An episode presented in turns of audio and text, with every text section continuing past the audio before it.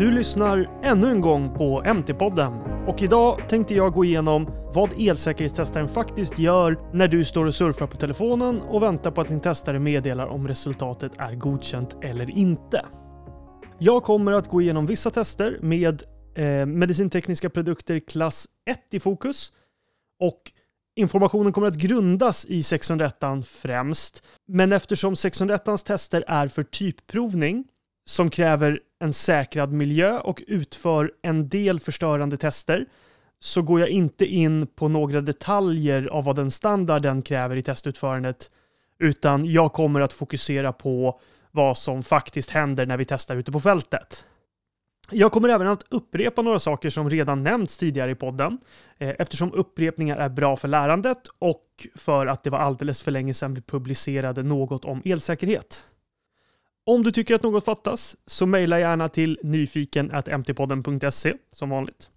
Så kan jag komplettera med eh, ännu fler avsnitt om allas favoritämne, alltså elsäkerhet om det inte var uppenbart.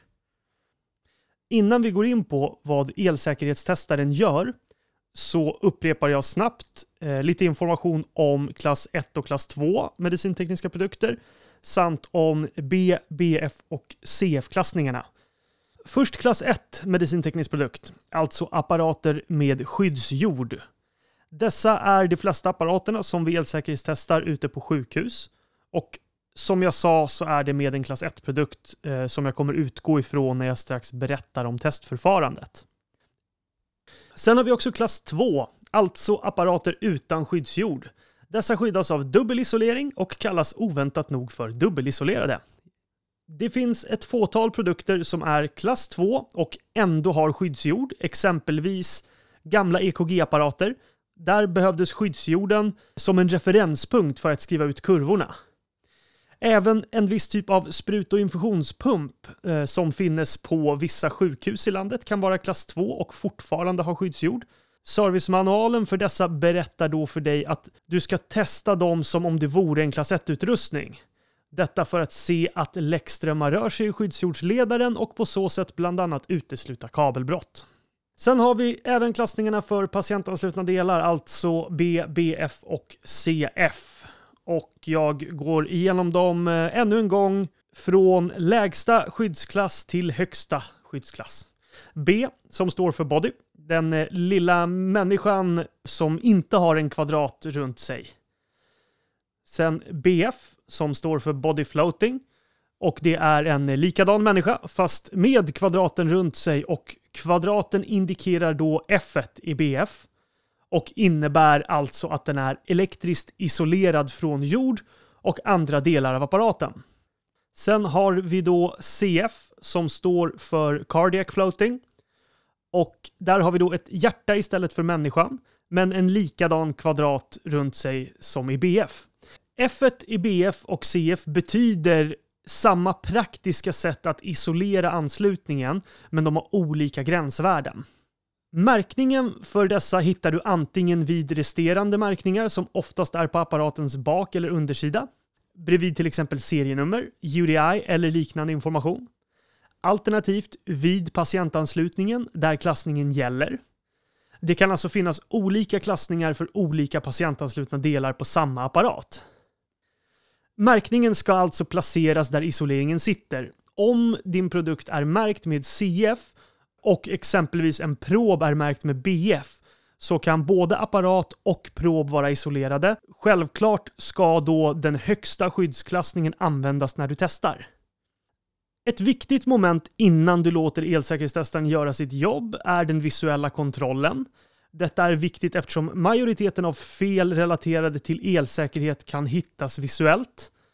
Som Elina sa i sitt avsnitt om defibrillatorn så kan uppemot 70% av alla relaterade fel hittas under den visuella inspektionen. Saker som du bör kika på kan vara bland annat apparatens uppmärkning, trasiga chassin, skadade kablar och skador på mekaniska delar som kan förflyttas. Där delar kan förflyttas riskerar då kablar att klämmas, eh, vilket är vanligt på exempelvis elektriska patientbritsar.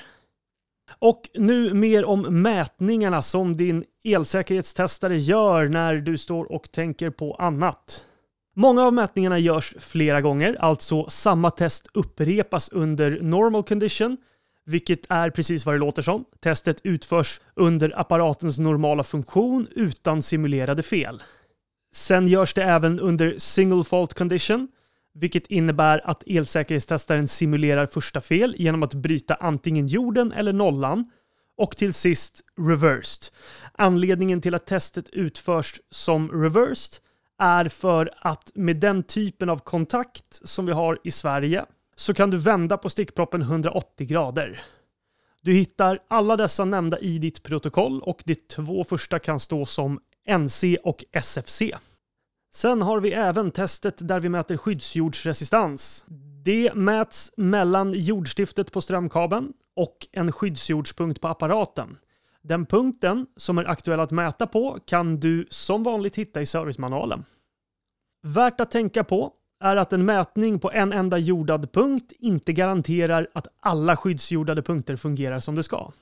Enligt 601 ska skyddsjordsresistansen mätas med en strömstyrka på 25 ampere under en tid på 5 sekunder och en spänning på maximalt 6 volt. Godkänt resultat här ska vara max 0,1 ohm för strömkabeln plus 0,1 ohm för apparaten. Din elsäkerhetstestare kommer därför sätta 0,2 ohm som gränsvärde eftersom du mäter allt tillsammans i praktiken. Värt att nämna är att enligt 62353 får du mäta med så lågt som 0,2 ampere istället för 25 eftersom tanken med 601 25 ampere är att vara förstörande. En till skillnad mellan de två standarderna är att 62353 säger att ett gränsvärde på 0,3 ohm är acceptabelt, där man motiverar detta med apparatens åldrande. Sen har vi isolationsresistans. Den är lite självförklarande tycker jag. Den ger ett svar på om isoleringen har blivit för dålig. Om du jämför med tidigare år så kan du även se om den försämrats innan den har blivit för dålig. Den kan till exempel torka på utrustningar som blir varma. Den här mätningen är inte nämnd i 601 egentligen. Den började mätas ute på fältet för att ersätta en mätning i 601 där man lägger 1500 volt på stickproppen. Eh, av den enkla anledningen att 1500 volt på stickproppen är dåligt om man vill ha en fungerande utrustning. 1500 volt är då för klass 1 medicintekniska produkter och för klass 2 så är det 4000 volt som gäller. Isolationsresistans kan mätas mellan några olika punkter. Exempelvis mellan kontakten du placerar i väggen och skyddsjorden. Mellan patientansluten del och skyddsjord. Eller mellan nätkontakten och patientansluten del. Din elsäkerhetstestare kan ställas in på lite olika spänningsnivåer vid mätning. Exempelvis 250 volt eller 500 volt. Resultatet du får bör hamna över 50 megaohm. Och vad som är normalt för just din apparat är svårt att säga när jag inte har någon aning om vad du arbetar med för apparat. Eh, det kan mycket väl vara lägre men ändå vara normalt för just den apparaten. Ett resultat på till exempel 30 megaohm är precis lika säkert som ett resultat på 50 megaohm. Det viktiga här är att isoleringen inte blir sämre och sämre med tiden utan att du fångar upp det. Sen mäter vi även jordläckströmmar. Och i din testare så kallas det sannolikt för Earth Leakage Current.